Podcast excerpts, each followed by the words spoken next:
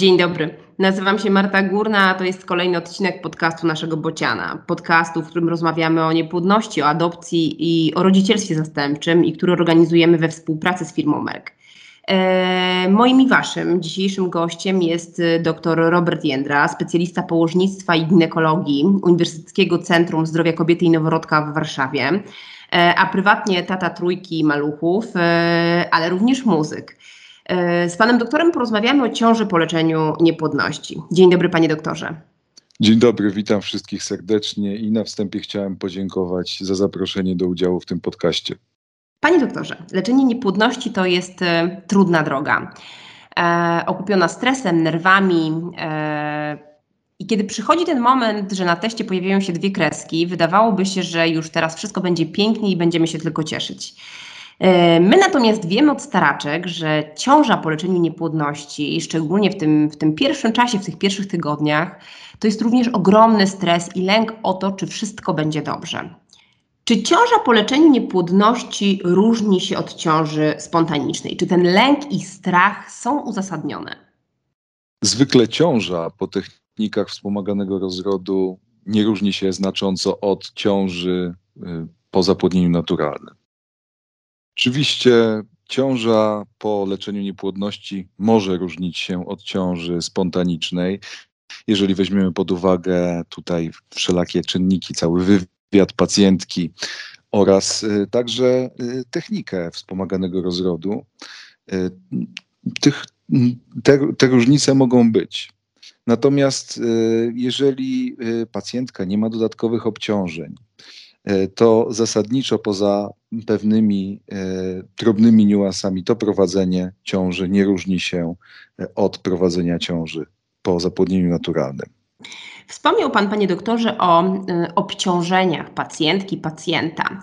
Czy y, przyczyny niepłodności, czy jakieś konkretne jednostki chorobowe, które stwierdza się u y, kobiety czy u mężczyzny, mogą rzutować na przebieg ciąży, mogą wpływać na to, czy ta ciąża się będzie rozwijała dobrze, czy to ryzyko jest większe, czy mniejsze?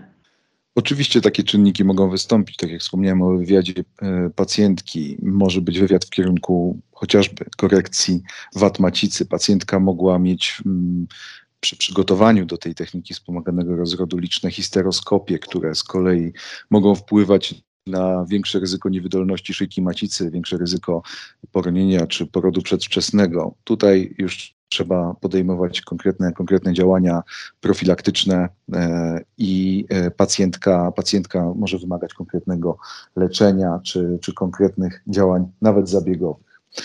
Są, są oczywiście jeszcze czynniki takie jak choroby autoimmunologiczne u pacjentki, trombofilie, gdzie pacjentka wymaga konkretnego leczenia, konkretnej profilaktyki. E, i oraz nawet chociażby schorzenia, schorzenia internistyczne, e, jeżeli takie takowe towarzyszą pacjentce, też wymaga konkretnego leczenia, e, nawet specjalistycznego. A czy te dodatkowe obciążenia wynikają wyłącznie z tego, jakie, jakie ewentualne choroby dotyczą mamy przyszłej kobiety, czy również czynnik męski może być obciążeniem dla rozwijającej się ciąży? Jeśli chodzi o czynnik męski, no też może mieć wpływ na, na, ryzyko, na ryzyko poronienia chociażby, czy jakieś aberracje chromosomowe u ojca też mogą mieć wpływ na, na, na przebieg, na rozwój tej ciąży. E, tutaj też mm, myślę, że powiem jeszcze więcej w toku naszej rozmowy o badaniach prenatalnych, natomiast już na wstępie mówię, że techniki wspomaganego rozrodu będą nam troszeczkę zwiększać ryzyko preeklampsji, czyli tego stanu przedrzucawkowego. Mhm.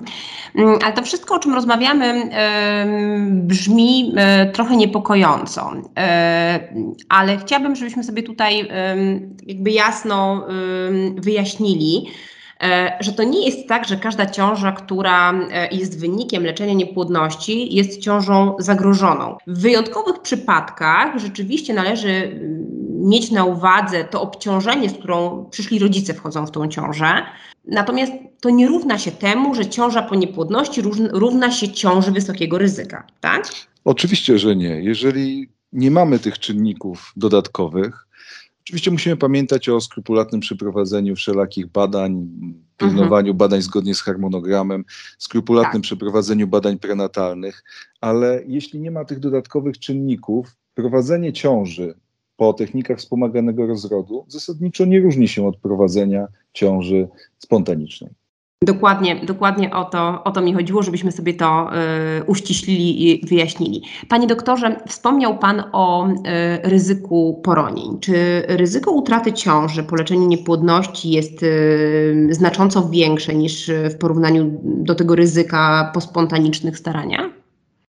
Jeśli chodzi o takie globalne ryzyko, ono po technikach wspomaganego rozrodu jest nieco wyższe od, ryzyku, od ryzyka y, po zapłodnieniu naturalnym. Natomiast to ryzyko będzie się zwiększało wraz z wiekiem matki.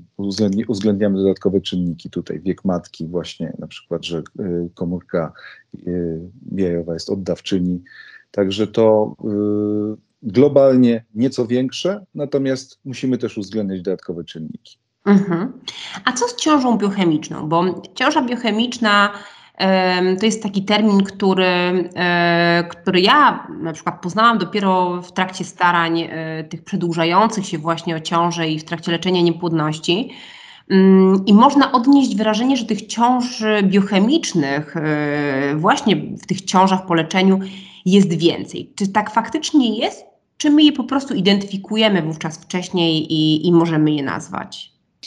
O ciąży biochemicznej mówimy wtedy, kiedy do poronienia dochodzi e, na bardzo wczesnym etapie, około tej implantacji, e, jeszcze na pewno przed szóstym tygodniem. Wtedy, kiedy mamy po prostu dodatnią wartość beta-HCG, e, a on w pewnym momencie zaczyna spadać jeszcze przed uwidocznieniem pęcherzyka ciążowego w USG. Jeśli chodzi o techniki wspomaganego rozrodu, zawsze y, ta diagnostyka jest wykonywana wcześniej i y, jak gdyby dlatego między innymi wcześniej o tym wiemy.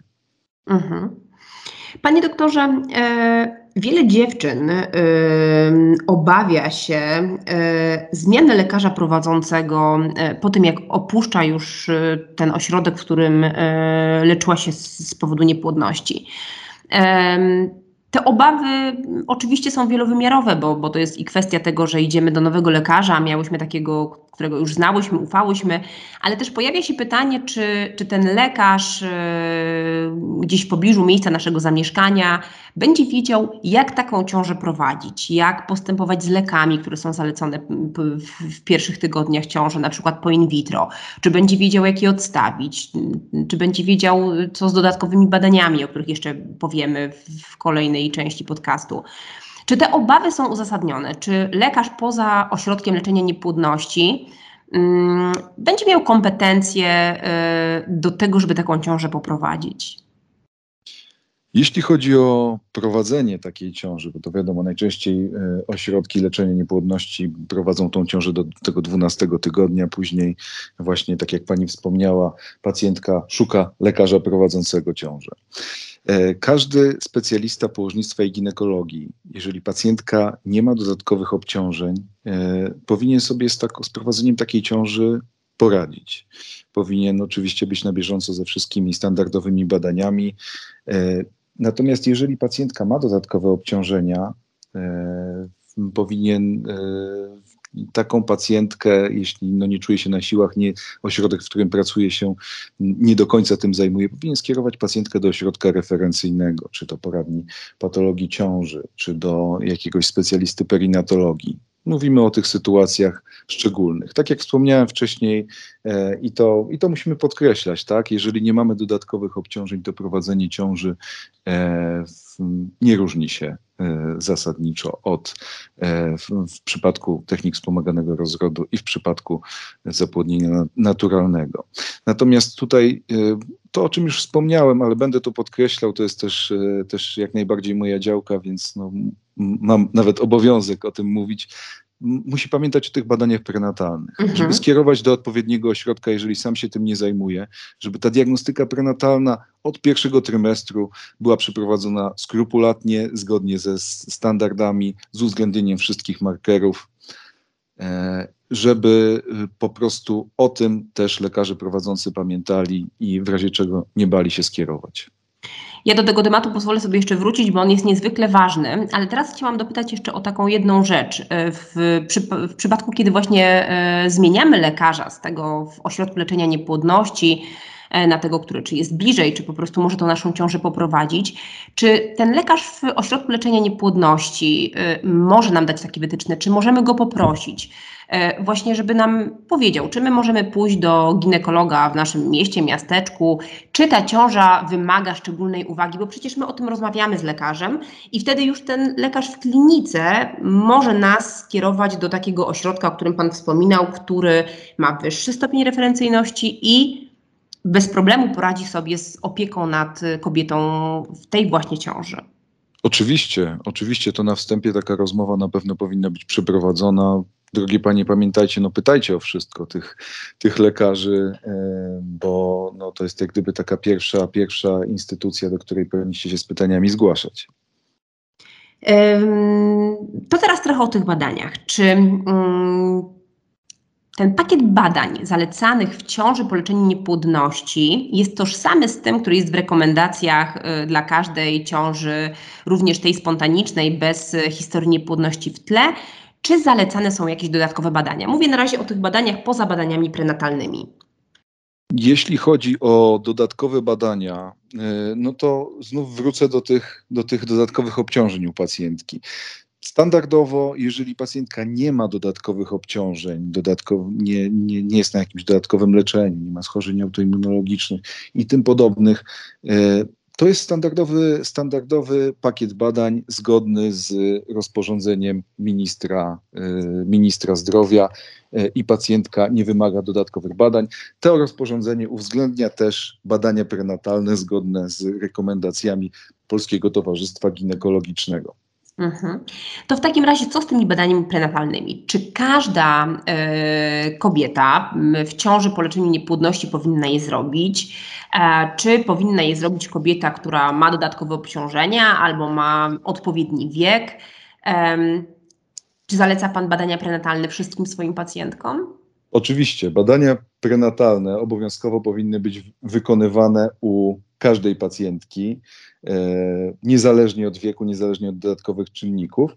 Natomiast mamy badania e, tak zwane refundowane, czyli badanie pierwszego i drugiego trymestru u konkretnej grupy pacjentek. Za chwilę powiem, jakie są w Polsce wskazania do tego programu. Mm, są wykonywane, są wykonywane w ramach NFZ-u. E, te czynniki, które są kryteriami włączenia do tego programu badań prenatalnych jest to wiek powyżej 35 roku życia, kiedy w poprzedniej ciąży wystąpiły jakieś e, wady, nieprawidłowości chromosomowe u, e, u dziecka, bądź jeszcze prenatalnie u płodu stwierdzone, e, kiedy są jakieś nieprawidłowości w kariotypie rodziców, mm, kiedy ogólnie stwierdzamy z powodu wywiadu różnych czynników dużo większe ryzyko urodzenia się dziecka z nieprawidłowościami genetycznymi. Jeżeli mamy nieprawidłowe wyniki e, badania USG tego pierwszego, e, pierwszego trymestru, e, jakieś nieprawidłowości w tym badaniu, mm, to wtedy też pacjentkę kierujemy na badania w ramach programu badań prenatalnych. I tutaj muszę jedną ważną rzecz powiedzieć, bo pacjentki często nie mają, nie wiedzą po prostu o tym. Takie badania często wykonują e, w ramach NFZ-u placówki prywatne na naprawdę dobrym sprzęcie. Nie trzeba na siłę szukać, jeżeli nie ma się zaufania do konkretnej pobliskiej placówki, tylko można takie badanie wykonać w placówce prywatnej, która ma umowę, umowę po prostu na te badania prenatalne z NFZ-em. E, a co, panie doktorze, z tak zwanym e, testem PAPPA? Istnieje takie przekonanie, że przekonanie, czy y, mówi się o tym, że e, w ciąży po in vitro e, wyniki tego testu e, bywają zaburzone i no niepotrzebnie generują duży stres, bo, bo, bo test wychodzi nie najlepiej, a wszystko jest w porządku. Czy tak rzeczywiście może być? Jeśli chodzi o y, ten test podwójny, zwany, tak. zwany właśnie potocznie tym testem PAPPA, jest to jak gdyby dla nas, dla diagnostów prenatalnych, jest to nieodłączny element tego badania pierwszego trymestru. E, dopiero wtedy mamy oszacowane, e, miarodajne ryzyko na podstawie tego testu i połączonego z USG, bo tak jak mówię, to jest jak gdyby to, to, to, to, to są jak gdyby elementy, elementy spójne stanowią jedną całość. Tylko wtedy mamy dokładne, dokładnie oszacowane ryzyko, ale nie tylko tych najczęstszych trisomii, tych najczęstszych nieprawidłowości genetycznych, ale także preeklampsji, czyli tego stanu przedrzucawkowego. Tak jak wspominałem wcześniej, same y, techniki wspomaganego rozrodu, y, zapłodnienie tutaj pozaustrojowe, zwiększa y, ryzyko jego wystąpienia. Co za tym idzie, tym bardziej ta diagnostyka pierwszego trymestru powinna być skrupulatnie przeprowadzona i powinien, powinien lekarz także ocenić dodatkowe markery, E, nie tylko przezierność karku, ale i kość nosową, przepływ przez zastawkę trójdzielną, jeżeli jest, są możliwości techniczne, przepływ w przewodzie żylnym oraz obowiązkowo przepływ w tętnicach macicznych, opór w tętnicach macicznych i to wszystko nam da bardzo dokładny obraz tego ryzyka. Badanie pierwszego trymestru możemy też poszerzyć o oznaczenie Mm, tak zwanego łożyskowego czynnika wzrostu, czyli PLGF. Badanie to pozwoli nam zwiększyć czułość w wykrywaniu y, ryzyka preeklampsji, czyli tego stanu przedrzucawkowego, o którym wspomniałem. E, tutaj też z takich, y, z takich y, ciekawostek, no potwierdzonych naukowo, w zasadzie nie, nie ciekawostek, tylko faktów naukowych. W ciąży po technikach wspomaganego rozrodu mamy wyjściowo wyższy poziom beta-HCG i niższy poziom białka PAPMA. Także tutaj to badanie zawsze, zawsze powinniśmy wykonywać, zawsze USG pierwszego trymestru powinno być połączone z tym testem. U, pacjent, u pacjentek y, po, y, po zapłodnieniu pozaustrojowym można jeszcze rozważyć. Niektóre źródła podają nawet jako wskazanie dodatkowo wykonanie y, w już bardziej zaawansowanym drugim trymestrze echa serca płodu. To jest takich dodatkowych badań. A co z testami, które pojawiły się w ostatnich latach na rynku?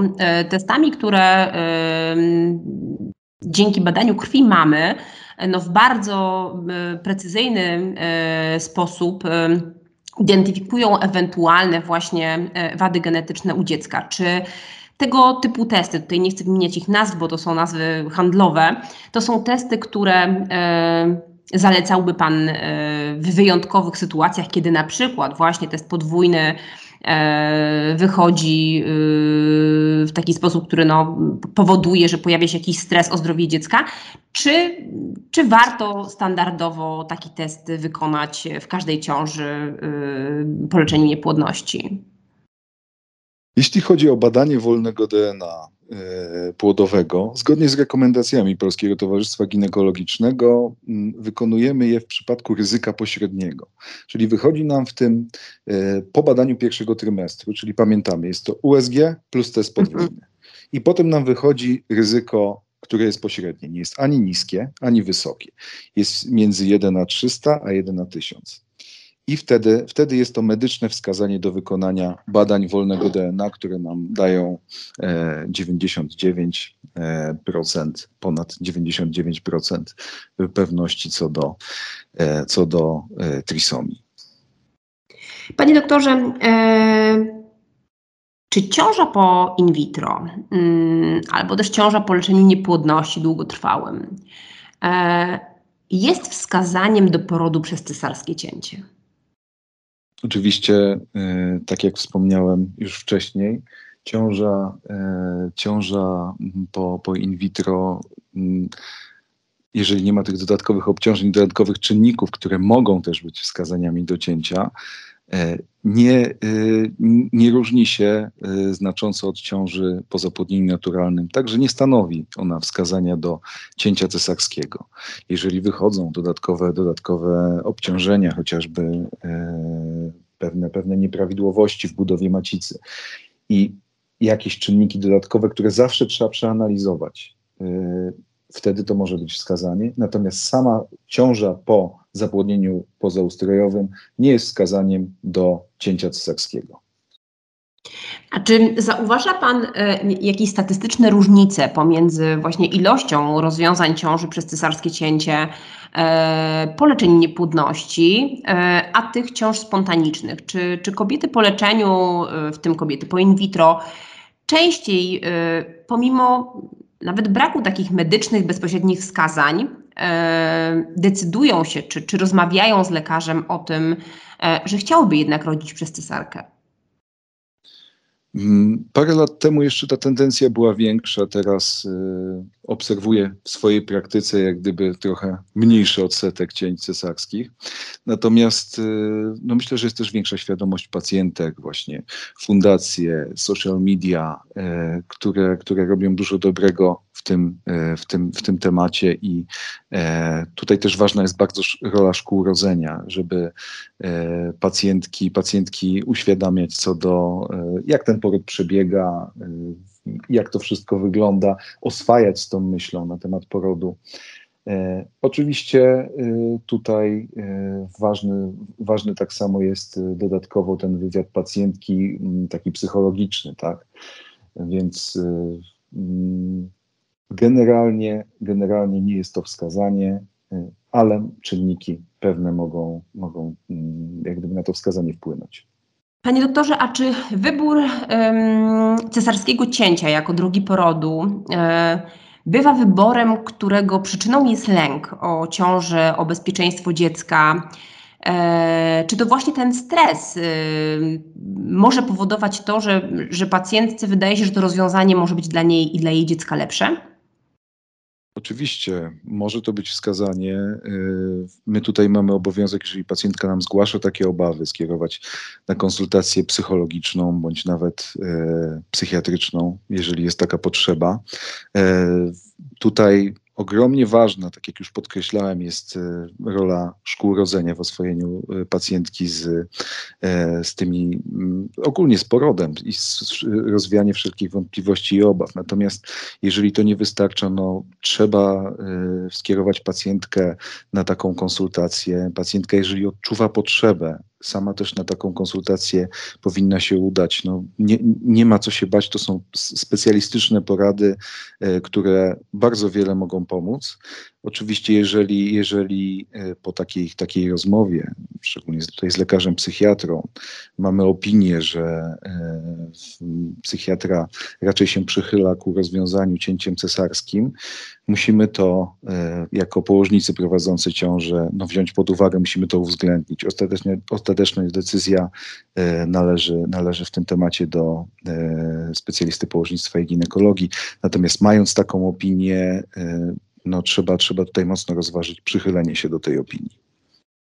To wsparcie, o którym Pan wspomniał, jest rzeczywiście niezwykle e, ważne i istotne. Ja tutaj chciałabym też zaznaczyć, opierając się i na wiedzy, ale też na własnych doświadczeniach, że że to nie jest tak, że każdy lęk i każdy strach e, w tej ciąży po leczeniu e, jest powodem do tego, żeby, żeby szukać pomocy psychologa czy psychiatry. To też zależy od tego, czego sami potrzebujemy, co sami czujemy i w jakim jesteśmy stanie i momencie swojego życia. Ja pamiętam swoje ciąże, szczególnie, szczególnie pierwszą, kiedy tak naprawdę ten okres pomiędzy wizytami, e, to były zwykle trzy tygodnie na początku, to, to był tydzień, e, tydzień e, optymizmu, bo, bo wiedziałam, że wszystko jest w porządku, potem tydzień takiej delikatnej niepewności, a ten trzeci tydzień przed samą wizytą to już był narastający stres, do tego momentu, kiedy, kiedy już po raz kolejny dowiadywałam się, że wszystko jest w porządku, ciąża się rozwija ale pamiętam ten lęk do dzisiaj i, e, i wiem, że on pojawia się u naprawdę wielu kobiet. I chciałam zapytać, panie doktorze, co możemy zrobić, żeby ten lęk trochę, trochę wyciszyć? Nie wiem. kontakt z lekarzem, może detektor tętna płodu, może częstsze wizyty. Co może pomóc? Znaczy tutaj też y, to, to, o czym jeszcze mogliśmy wcześniej powiedzieć, y, to jest y, ten kontakt z lekarzem prowadzącym, tak? E, to jest ważne, żeby poświęcić też czas nie tylko na to badanie, ale na rozmowę z pacjentką, na, na tłumaczenie wszystkiego. Nie wszyscy, nie, nie wszyscy prowadzący preferują taką drogę, żeby pacjentka, pacjentka miała numer, miała bezpośredni kontakt do lekarza prowadzącego. Natomiast jest to też, jest to też jakieś rozwiązanie, tak, bezpośredni kontakt z lekarzem prowadzącym. Jeśli nie, no to tak, żeby maksimum na tej wizycie pacjentce przekazać. To jest, to jest coś takiego, co jest, co jest ogromnie ważne i ta rola, tak jak powiedziałem, lekarza prowadzącego jest ogromna tutaj w uspokajaniu, w uspokajaniu pacjentki. Jeśli chodzi o detektor tętna płodu, no są jego zwolennicy, ja akurat do nich nie należę. Y, bo dodatkowo może być y, czynnikiem stresującym pacjentkę. To tętno może być raz, że za wcześnie mierzone. Można trafić, pacjentka może trafić na własne tętno. Pacjentka może trafić akurat na fizjologiczny taki spadek tętna u dziecka. Może mieć problem z, z, z racji tego, że dziecko zmieniło y, swoje ustawienie, czy nawet położenie ze znalezieniem tego tętna. Jest to dodatkowy czynnik stresujący pacjentkę. Taka jest moja opinia na ten temat. Mhm. A co z tymi wizytami, które odbywają się częściej niż, e, niż zalecałyby to rekomendacje? Bo e, rozmawiając e, z pacjentkami po leczeniu niepłodności, e, słyszymy, że te wizyty zwykle odbywają się co 3, co 4 tygodnie, a zdarza się, że nawet częściej. Także tutaj od tych zaleceń 3-4 USG w, w trakcie trwania ciąży, no to jest bardzo dalekie. Czy te częste wizyty, łącznie z tym, że podczas tych wizyt wykonywane jest USG, czy one mogą nieść ze sobą jakieś e, ryzyko skutków ubocznych, na przykład dla dziecka? Powiem tak, no mamy, mamy rekomendowane, już wspominałem o badaniach prenatalnych. Natomiast e, jeszcze chciałbym tą, tą, tą informację uzupełnić. E, tutaj, jeśli chodzi o e, badanie, e, badanie przed badaniem prenatalnym, Istotne jest też takie USG potwierdzające ciążę, gdzie możemy już określić ten e, rzeczywisty wiek ciążowy, zobaczyć, że jest, e, że jest e, już to ta czynność serca, zarodka. To też nam pomaga dobrze datować tą ciążę i ustalić ten termin badania pierwszego trymestru. Natomiast y, mamy to, czyli mamy to badanie potwierdzające, później badanie pierwszego trymestru, później badanie połówkowe, badanie drugiego trymestru, badanie trzeciego trymestru, później USG y, w terminie porodu u pacjentek z dodatkowymi obciążeniami, jeszcze w 36 y, takie dodatkowe badanie USG. Natomiast jeśli chodzi o takie dodatkowe badania, bo no, pacjentki czują, czują się po prostu bezpieczniej i spokojniej, jak w czasie wizyty chociażby posłuchamy, posłuchamy tego serduszka u, u dziecka. E, jeśli chodzi o szkodliwość badań, tak, jeżeli one nie są wykonywane, jeżeli raz w miesiącu po prostu robimy y, to dodatkowe badanie, oczywiście na prośbę pacjentki, tak, bo jakie są rekomendacje, wspomniałem. E, nie jest to szkodliwe, natomiast zawsze musimy się starać, żeby to badanie trwało możliwie jak najkrócej. E, I, e, ale nawet takie krótkie badanie, takie krótkie sprawdzenie no może, może się okazać zbawienne dla, dla spokoju pacjentki. A ja zapytam jeszcze na koniec mm, o mm, taki temat, który nurtuje wiele e, kobiet w ciąży po leczeniu niepłodności, ale też kobiet w ciąży y, mm, każdej innej. Czy jeżeli ciąża przebiega książkowo, nic się nie dzieje, możemy bez y, problemu i bez obaw y, współżyć i, i pozwolić sobie właśnie tą bliskość z partnerem, która też jest szalenie ważna dla, dla, i dla związku, ale też dla spokoju naszej głowy. Oczywiście, jeżeli nie mamy jakichś dodatkowych e, nieprawidłowości stwierdzonych w badaniu, czy to w badaniach USG, czy jakichś konkretnych już patologii, e, to e, współżycie w ciąży nie jest w żaden sposób przeciwwskazane. Także jeżeli, jeżeli lekarz w badaniu nie stwierdzi żadnych patologii, tak jak wspomniałem, powtarzam się, ale to jest ważne, które mogą być przeszkodą do tego, do tego współżycia, jak najbardziej można współżyć w czasie ciąży. Na sam koniec e, zadam przewrotnie to pytanie. Czy są pytania nie na miejscu, e, pytania e, głupie, powszechnie tak nazywane, pytania, których nie należy zadawać lekarzowi? Czy powinniśmy przestawić swoje myślenie i pytać o wszystko, co nas niepokoi, po to właśnie, żeby ten spokój znaleźć i tą pewność? Dokładnie, ja się, ja się tutaj jak najbardziej przychylam do tego ostatniego zdania, które pani wypowiedziała. Nie ma głupich pytań, są tylko głupie odpowiedzi, co najwyżej. Natomiast y, chodzi o to, żeby pacjentki się nie bały. Nie bały pytać lekarza prowadzącego właśnie y, rzeczy, które mogą się im z pozoru wydawać błahe czy, czy, czy, czy głupie, tak? No, nie, ma, nie ma takich rzeczy, tak? Pacjentka jest w ciąży, ma wątpliwości, czegoś się boi.